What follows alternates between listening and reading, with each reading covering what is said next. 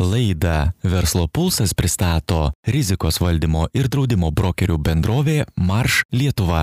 Sveiki, mėly žinių radio klausytojai, jūsų dėmesį laida Verslo pulsas. Prie mikrofono Lina Luneckienė. Šiandien kalbame apie, na, neįtin malonų dalyką, tikrai nelaukiamą, bet dėja kartas nuo karto jaučianti pareigą pas mus užsukti - rizika. Kaip ją valdyti ir kada? Kokius saugiklius turi susidėti įmonės, kad šis iššūkis būtų sėkmingai įveiktas ir rizika suvaldyta. Man malonu pristatyti laidos pašnekovus. Šiandien studijoje pas mus vieši Akvilė Šneiderė, bendrovės Klaipėdos nafta rizikos valdymo vadovė. Sveiki. Sveiki. Ir rizikos valdymo ir draudimo brokerių bendrovės Marš Lietuvos padalinio vadovas Julius Šeškauskas. Sveiki, gerbiamas Juliu. Sveiki. Tai Akvilė, gal pradėkime nuo jūsų. Žinau, kad jūs itin aukšto kalibro specialistas rizikos valdymo sektoriuje. Tikrai turite turite ką pasakyti iš savo patirties, turite daug, daug atvejų, įvykių, kada, kada tikrai teko tetate susiturti su, su rizika. Gal pradėkime nuo to, kas iš viso yra rizika, valdymas ir, ir, ir, ir kaip tai vyksta, kokie būtų jūsų pasidalinimai su, su klausytojais. Um, tai aš pradėsiu galbūt nuo pirmo karto, kad, kada profesiniam keliai teko susidurti su rizika ir apskritai, a, kas tai yra įmonėje. A, tai karjerą pradėjau prieš dešimt metų profesinių paslaugų įmonį Ernst Young, a, šiuo metu visiems žinoma EY.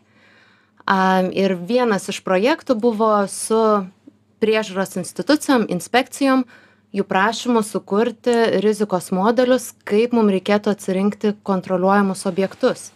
Tai yra, mums reikia kaip inspektoriui vaikščioti ne pas kiekvieną ir belstis į duris, bet reikia vis dėlto atsirinkti tą, kuris yra labiausiai linkęs nusižengti ir rizikingiausias.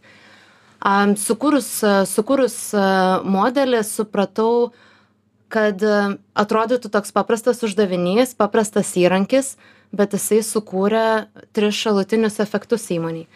Tai pirmas, įdėgus šį modelį mes supratom, kad atsilaisvina inspektoriaus laikas, tai yra jisai nebeturi gaišti laiko vaikščiant pas nerizikingus objektus, jų tikrinant ir atitraukiant nuo pagrindinės veiklos verslo. Antras efektas, supratom, kad atsiranda labai stiprus skaidrumo efektas nes inspektorius nebegali pats savo nuožiūra pasirinkti įmonės, kurią tikrina. Ar tai būtų pagal kaimyno rekomendaciją, ar tai būtų pagal savo nuomonę, kaip jisai mato tos objektus. Ir trečias dalykas, organizacija atsirado daugybę laiko, kurį galėjo skirti prevencijai. Tai yra, aš nebe tik tikrinu ir gaudau tuos, kurie gali nusižengti, bet ir galiu laiko skirti rizikos prevencijai ir tuomet e, būdama young aš pagalvojau o negalim mes to pritaikyti ir kitoms įmonėms sektoriaus a diegiant atrodytų tokius techninius sprendimus pasiekti to paties efekto. Tai yra sutaupyti įmonės laiką skiriant ir valdant rizikas nerizikingose srityse ir kartu suvaldant tas sritis kur tikrai gali būti rimtų problemų. Ir vat tas vienas projektas iš tikrųjų buvo netgi keletas inspekcijų ir vėliau susibūrė į tyrimą dešimties inspekcijų. Šis tyrimas šis projektas parodė potencialą įgyven kurį galima įgyvendinti energetikos sektoriuj tai tuo metu mano kitas žingsnis ir buvo a įmonių grupė lietuvos energija tuo, e, tuo metu vadinosi apimanti 20 skirtingų energetikos sektoriaus įmonių. Ir atėjus į Lietuvos energiją, um, susėdus su pirmoju rizikos komitetu, mes va, taip pat gryninome savoką, kas yra rizikos valdymas nefinansinio sektoriaus įmonėse ir labai sutapo su rizikos komitetu mūsų požiūris, kad rizikos valdymas tai yra funkcija, kuri turi atsirasti įmoniai ir kurios tikslas yra išgaudyti didžiausias rizikas įmonei atlaisvinant laiką a sritim kurios nėra a rizikingos. Tai jeigu taip apibendrinant kas yra man rizikos valdymas tai yra būtent skyrimas dėmesio rizikingiausiom įmonės veiklom atlaisvinant laiką tom veiklom kurios turi galbūt netgi greičiau važiuoti atleidžiant kaip sakant stabdžius ir ir ir įgauti efektyvumą. Mm tai va tai rizikos valdymas susijęs manau būtent būtent yra su tuo juliau a kaip kaip rizikos valdymas atrodo iš iš privataus sektoriaus?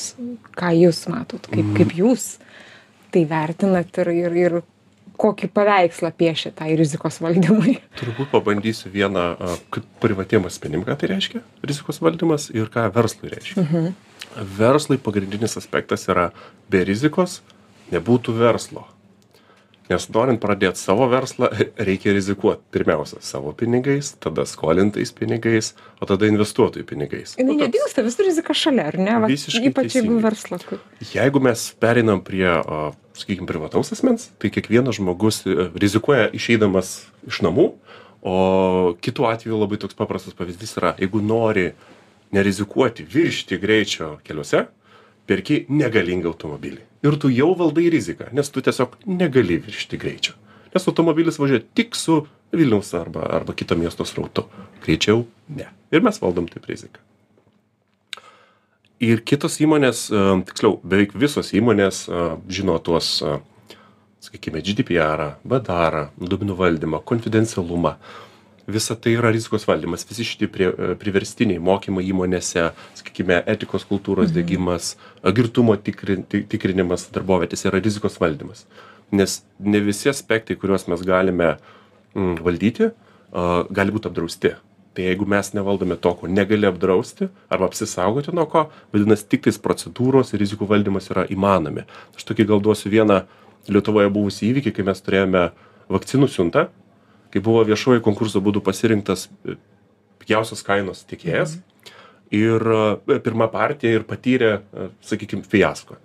Tai ji buvo išlaikyta ne pagal normas nukrito temperatūra aukščiau negu galima ir labai paprastai tiesiog nebuvo kaip atlyginti ir buvo pasirinktas momentaliai iš karto kitas tiekėjas. Tai turbūt paprasčiausias iš draudimo rizikos valdymo būdo tai paprašykime draudimo poliso profesinės atsakomybės to a, tiekėjo kuris teiks specifiniais reikalavimais tiesiai į techninę specifikaciją viešajam konkurse ir visiškai nesvarbu žmonės klysta visi klysta. Tai net jeigu jisai yra suklys mes turime draudimo polisą kuris užtikrina apsaugą ir jis užtikrina kad bus išpildyti reikalavimai. Jeigu įmonei yra sunku įpirkti tokį draudimą tai gal jie ir neturėtų dalyvaut tada tokiam konkurse ir ta rizika tikriausiai atrodo ne tokia jau baugi šiuo šiuo šiuo atveju ar ne kai tu pag pa suplanuoji apie ką mes atsimenat kalbėjom Taip. išmoksti suplanuoti ir Taip. ir ir įsivertinti akvile a kalbant apie a, jautrųjį tą segmentą viešąjį segmentą ar ne viešų mūsų mūsų valstybės Valstybės valdomų ir mūsų visų valdomų įmonės. Kaip ten sekasi valdyti riziką? Kaip įmonės viduje vyksta šis procesas? Nes A. nu tikrai ignitis e, ta pati klaipėdos nafta ir visos kitos mūsų mūsų valstybės mylimos įmonės kaip tenais taip. sekasi? Tai gal labai svarbus momentas iš tikrųjų ir yra tas žodis e, valstybės valdomos įmonės. a, kaip ir pati paminėjot kad e, tai yra įmonės kurios priklauso praktiškai kiekvienam mum. Ir e, kai pradedam kalbėti apie rizikos valdymą ir standartai ką sako visada pradėkime kalbėti apie tai kas yra mūsų savininkas. Tai yra įmonės savininkas. Kadangi savininkas užduoda toną tai kaip turi būti valdoma mano įmonė ir kaip tie vadovai kurie yra įmonėje turi siekti ir įgyvendinti savo strategijos ir čia matyt atsiranda du skirtingi tipai savininkų. Vienas savininkas nori greito pelno greitos grąžos atitinkamai prisiims daug rizikingesnius sprendimus bus linkęs a, prisiimti tam tam tikras klaidas ir išmokti iš tų pamokų ir bandyti dar kartą. Tuo tarpu kitas savininkas ir tai nebūtinai tai gali būti ir privataus sektoriaus įmonė kitas savininkas gali būti labai konservatyvus ir sakyti man svarbi yra ilgalaikė grąža dešim dvidešim metų į priekį. Tai reiškia kad jis nebus linkęs prisiimti didesnės rizikos bus linkęs apsisaugoti nuo net ir mažesnių klaidų. Am tai apie valstybės valdomas įmones kai galvojam galvojam būtent matyt apie tą tipą a savininkų kuris nėra linkęs a, prisiimti klaidų. Ką ir kalbėjom pačioj pradžioj tos klaidos gali būti labai viešos. Tai yra kadangi tai yra mūsų visų interesas matyt tas klaidas mes matysim vėliau ir žiniasklaidoj ir jos bus tikrai pakankamai viešai aptariamos ir analizuojamos. Ir tai užduoda toną kaip įmonėj turi būt valdomos rizikos kadangi natūraliai tiek vadovai tiek akcininkų atstovai apsisaugodami jie nori kuo daugiau dokumentuoti tai reiškiasi kad priemant sprendimą priemant rimtus sprendimus mes turime turėti labai aiškų atsekamumą kaip tas sprendimas buvo priimtas ar visos rizikos pasekmės to sprendimo buvo įvertintos galbūt netgi su kuo buvo konsultuotasi vertinant rizikas tokio sprendimo ir gal ir dažnu atveju tiesą pasakius priimant tikrai rimtus investicinius sprendimus tikrai nepasikliaujama tiktai vidaus kompetencijom kreipiamasi į išorės konsultantus kurie padėtų įvertinti riziką. Ir tai tampa labai svarbiu svarbia dalimi priimant priimant sprendimą. Tai matyt vat tuo išsiskiria valstybės valdomos įmonės rizikų valdyme kalbant apie nefinansinį sektorių kad tikrai esam linkę daug skrupulingiau vertinti dokumentuoti. Ir tas sukuria dar vieną įdomų efektą kai tu tiesiai šviesiai parašai dokumentuose kokio lygio yra rizika ne visada tampa patogu ją didelę prisiimti. Tai yra deklaruoti kad rizika yra didelė ir kad vis dėlto aš prisiimu sprendimą ir prisiimam visas galimas pasekmes nebetampa taip patogu ir tas natūraliai užkoduoja šiek tiek žemesnį rizikos apetitą. Tai yra kad vis dėlto valdant tokias įmones mes linkę esam prisiimti šiek tiek mažiau rizikos. Nes žinom kad tos klaidos tikrai bus viešos. Ir ir tas matyt labai įdom įdomiai e, mano darbe atsispindi kad mano darbas tuomet tampa ne tiktai sudėlioti stabdžius Mhm. įmonei tai yra kad tikrai mes sustotumėm ta tada kada reikia bet kai kuriais atvejais ir paskatinti tų stabdžių nespausti tai yra kai kur paskatinti tą riziką prisiimti net jeigu ją tiesiai šviesiai deklaruojam dokumentuose tai toks įdomus matyt momentas nuo ko startuoja visa rizikos filosofija ir jinai atsispindi iki pat apatinės grandies organizacijoj iki to ar mes tikrinam darbuotojų girtumą kaip pavyzdys minėjote. priemonėm ar vis dėlto leidžiam a, prisiemam daugiau rizikos ir atsitiktiniu būdu kart, karts nuo karto patikrinam. Tai tas netgi nusileidžia iki tokių a, praktinių dalykų įmoniai. Pati filosofija, kaip į tai žiūri savininkas. Mhm, Juliau, kaip, kaip išorės konsultantai, kaip nepriklausomi ekspertai mato būt, Ge- Gerėja situacija valstybinėse ir viešo sektoriaus įmonėse, daugiau įmonių planuoja, a, bet e, tai yra tik strateginės įmonės. Kol kas tik strateginės įmonės planuoja, nes e, rizika tai neskanu, nemadinga, a, draudimas tuo labiau. Tai nėra tos temos, kurias mes gvildename ar šeimoje, ar, ar viešumoje. Tai nėra tai, ko mes norim girdėti ar paklausti. Papasakok man apie draudimą. Nu, čia turbūt toks e, automatinis neįdomu. Tai man patinka, kad planuoja jau stipriai. Ir finansinis išprusimas pas valstybinės įmonės yra gerokai padidėjęs per pagal paskutinius tris metus, nes valdybos yra išorinės, tai yra nevidiniai žmonės, ir jie yra surinkti iš tikrai aukšto lygio įmonių su tarptautiniais, e, tarptautinius mokslus baigusiais žmonėmis, kurie dirba tarptautinėse įmonėse.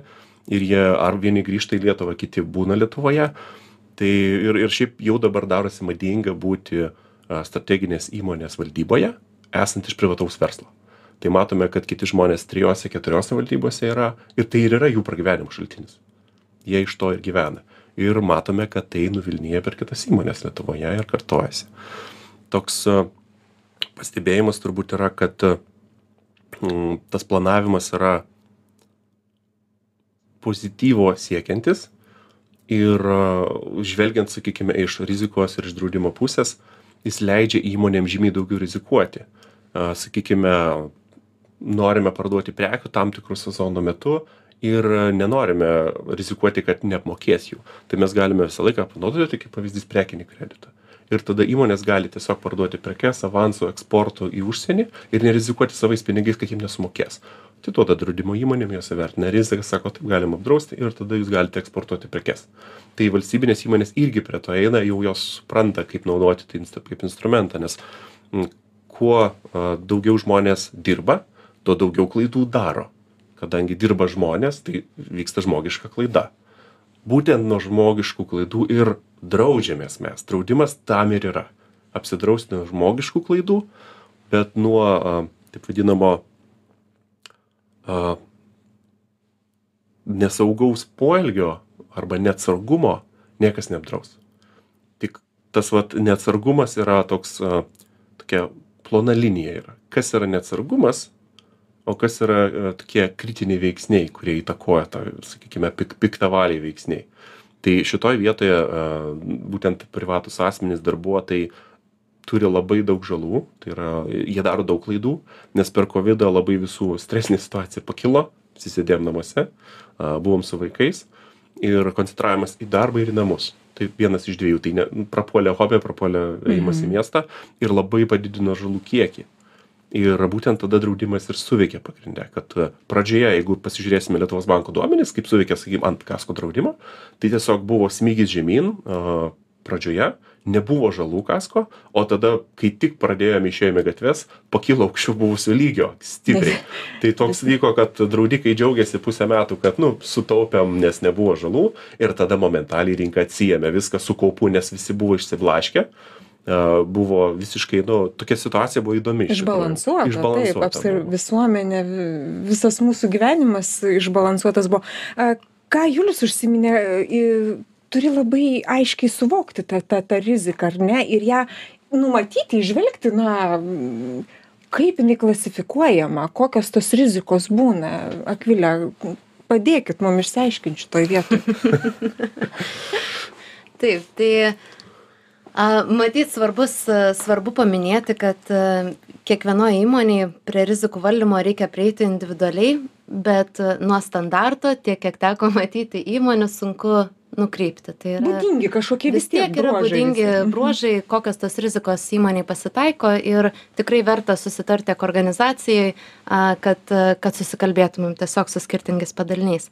Tai labai paprastai yra keturi tipai keturi tipai rizikų nedaug a, ir viską galima sudėti tuos keturis stalčiukus. A, tai pirmas yra strateginės rizikos, tai daugiausiai yra vis dėlto susijęs su mūsų vadovų primamais sprendimais, kaip įgyvendinti įmonės strategiją, ar pastebim laiku besikeičiančią rinkos situaciją, ar prisitaikome prie to, ar spėjam sureaguoti į vidaus pokyčius, kuomet jau nebėra įmoniai resursai gyvendinti mūsų strategiją. Tuomet antra kategorija rizikų yra susijusi su procesais, kuriuos vykdome įmoniai tai yra veiklos rizikos vadinamos ir daugiausia vat su tom minėtom rizikom ir yra susiję. Tai yra kaip mes mūsų operacijom mūsų klientų aptarnavimu kaip mes valdom duomenis įmonėj ir ir ir visa visa kita e kategorija rizikų kurios susijusios yra su kasdien įmonėj vykdoma veikla ketvirta kategorija yra finansinės rizikos. A ir čia tokia sakau aš nuobodi pakankamai kategorija nes yra labai apibrėžtas tų rizikų a skaičius ir tipai. Tai yra pagrinde susiję su tuo ar įmonė turi e finansinius resursus finansuoti savo plėtrai ar gerai valdo savo resursus kuriuos turi ir ar negresia jeigu taip blogiausia pasekmė matyt būtų įmonės bankrotas tinkamai nesuvaldžius finansinių srautų. Ir ketvirta kategorija yra atitiktis Čia jau reputacijai tikriausiai bus, ar ne? Atitiktis dažnai turi teisingai reputacinę žalą, nors tikrai yra tendencijos, atsiranda reglamentų, kur baudos tikrai atsiliepia ir finansiniam rizikom. Tai tas pats paminėtas asmens duomenų apsauga mhm. ir kitose srityse matom tendencijas vis dėlto tas baudas didinti ir, ir čia jau tampa jos tiesiogiai finansiniam rizikom a tačiau gal svarbus momentas ką paminėti noriu kad įmonėj diskutuojant apie rizikas rizika įvardinama dažniausiai yra per pirmąją minutę. Tai yra pats lengviausias darbas įvardinti ri rizikos pavadinimą. Galbūt padiskutuojam šiek tiek dėl tinkamo pavadinimo bet įvardinti riziką nesudėtinga nes galim turėti kitose įmonėse pavyzdžių ir panašiai. Tačiau sunkiausias darbas kurį reikia atlikti tai yra vis dėlto nustatyti priežastį. Kodėl kyla rizika? Kodėl vis dėlto pas mus mhm. įmonėj ta rizika yra aktuali. Ir čia vėlgi pasitarnauja standartinės kategorijos. Tai pirmoji kategorija priežasčių tai yra kodėl rizika gali pasireikšti įmonėj yra tie patys valdymo sprendimai. Tai yra vadovai laiku priėmė arba nepriėmė sprendimų ir mum tuomet susiduriam su galim tiek finansine rizika susidurti tiek atitikties. A kita kategorija yra darbuotojų elgesys apie tą taip pat truputį užsiminėm kad gali būti sprendimai tinkami procesai tinkami bet darbuotojų kultūra galbūt jie pavargo galbūt jie neįsitraukia galbūt jie sako man šita įmonė nebepatinka ir aš nebenoriu elgtis pagal jos taisykles arba galbūt aš nežinau ir esu neapmokintas trečia kad e, trečia kategorija procesai. Tai įmonė turi turėti standartinius procesus pagal ką darbuotojas turi veikti ir būna tikrai taip nutinka kad vis dėlto neaiškiai aprašyta arba neaprašyta ir darbuotojas padaro klaidą ir tas gali tikrai brangiai įmonei kainuoti. Ir a kita kategorija technologijos tai čia artima tikrai tema š dabartiniam kontekste tai tos pačios saiber rizikos nusidėvėjusios technologijos arba jų nebuvimas gali sukelti rimtus incidentus veikloje ir paskutinė kategorija išorė. Tai viskas aš kaip sakau viskas kas nepapuolė prie kitų kategorijų viskas yra išorė. Patenka po šitą kategoriją. Juliau pabaigai nes jau mūsų laikas Mhm. baigėsi. Pabaigai pagrindiniai jūsų jūsų įžvalgos jūsų komentaras e, kas kalbant būtent apie rizikų valdymą ir ir ir saugiklių diegimą kaip ka koks būtų jūsų patarimas įmonėms tiek valstybinėms tie valstybiniam tiek tiek Aš gal pabandysiu į vieną kitą a, tą klasifikavimą tokį bet žinokit labai trumpai Labai nes- trumpai. nes mūsų Tai, laikas išsekęs Reikia planuoti, kas nesuplanuojama. Wimbledono turnyras planavo 17 metų draudėsi nuo pandeminių rizikų, mokėjo po 2 milijonus kiekvienais metais ir COVID metais gavo 141 milijoną išmoką. Vadinasi, tie, kurie a, planuoja neplanuojamą, vadinami Black Swan eventai, mhm tai jie gali apsisaugoti. A, Valstybinės įmonės a, labai dažnai neturi iš vis procesų. Kaip pavyzdys yra a, Lietuvos savivaldybė pervedė į sukčių rankas 190 tūkstančių eurų beveik. Tai re- labai aišku, kad tiekėjo patvirtinimo proceso įmonėje nėra. Tiesiog iš karto tai mums aišku. A, Rizikos valdymas yra labai, labai geras toks pavyzdys, kai mes a, kaltiname riziką arba draudimo įmonę, kad nemoka kažko. Bet iš principo kiekviena situacija yra tokia, kad jeigu aš pasamdžiau a, visiškai neprofesionalų elektriką ir man sugadino viso namo elektrą, tiesiog blogai sujungęs laidus, kas yra kaltas? Ar elektrikas, ar aš pasirinkęs tą tikėją? Tai vat labai, labai geras požiūris yra, jeigu aš nusipirkau prastą kėdę, taupiau, kaip skupas moka du kartus, jinai man atsisėdu šeštą kartą, sulūžo, aš nukritau ir tada susimušiau galą, prasiskėliau bet kokią situaciją, kas yra kaltas? Ar aš ar kėdė? kėdė aišku Tai vat su tuo požiūriu aš dažniausiai ir siūlau visiems prieiti prie rizikų. Jeigu mes žinome, kad mes rizikuojame pasirinkdami sprendimą, prekę, tiekėją, bet ką, draudimo įmonė nesvarbu, tai vadinasi reikia pagalvoti, o tai kaip atrodo tas pats geriausias variantas ir ar tikrai aš permoku jį pasirinkdamas. Tai visą laiką reikia savo pasakyti, ar mes norim tos idealios prekės, paslaugos situacijos, ar mes norime ir esame linkę susitaikyti su pasiekmėmis ir kaip mes galime valdyti riziką, kad ir net ir pasirinkus tą pigiausią naują automobilį, mes būsime jo patenkinti. Ką mes galim dėl to? Tai va tuo klausimu tegu padirba padirbėja kiekvienas kiekviena įmonė kiekvienas vadovas kiekvienas asmuo galų gale ir įsivertintų savo rizikas ir tikrai galėtų jas išmokt valdyti ir ir ir ir įsidiegti saugiklius. Noriu dėkoti jums už už pokalbį šiandien laidoje. Verslo pulsas svečiavosi akvilė šneiderė bendrovės klaipėdos nafta rizikos valdymo vadovė. Dėkui jums už pokalbį. Ir rizikos valdymo ir draudimo brokerių bendrovės marš lietuvos padalinio vadovas julius šeškauskas. Dėkui jums už pokalbį. Laidą vedžiau aš lina luneckienė. O jūs ir toliau likite su žinių radiju. Gražių jums dienų. Laidą Verslo pulsas pristato rizikos valdymo ir draudimo brokerių bendrovė Marš Lietuva.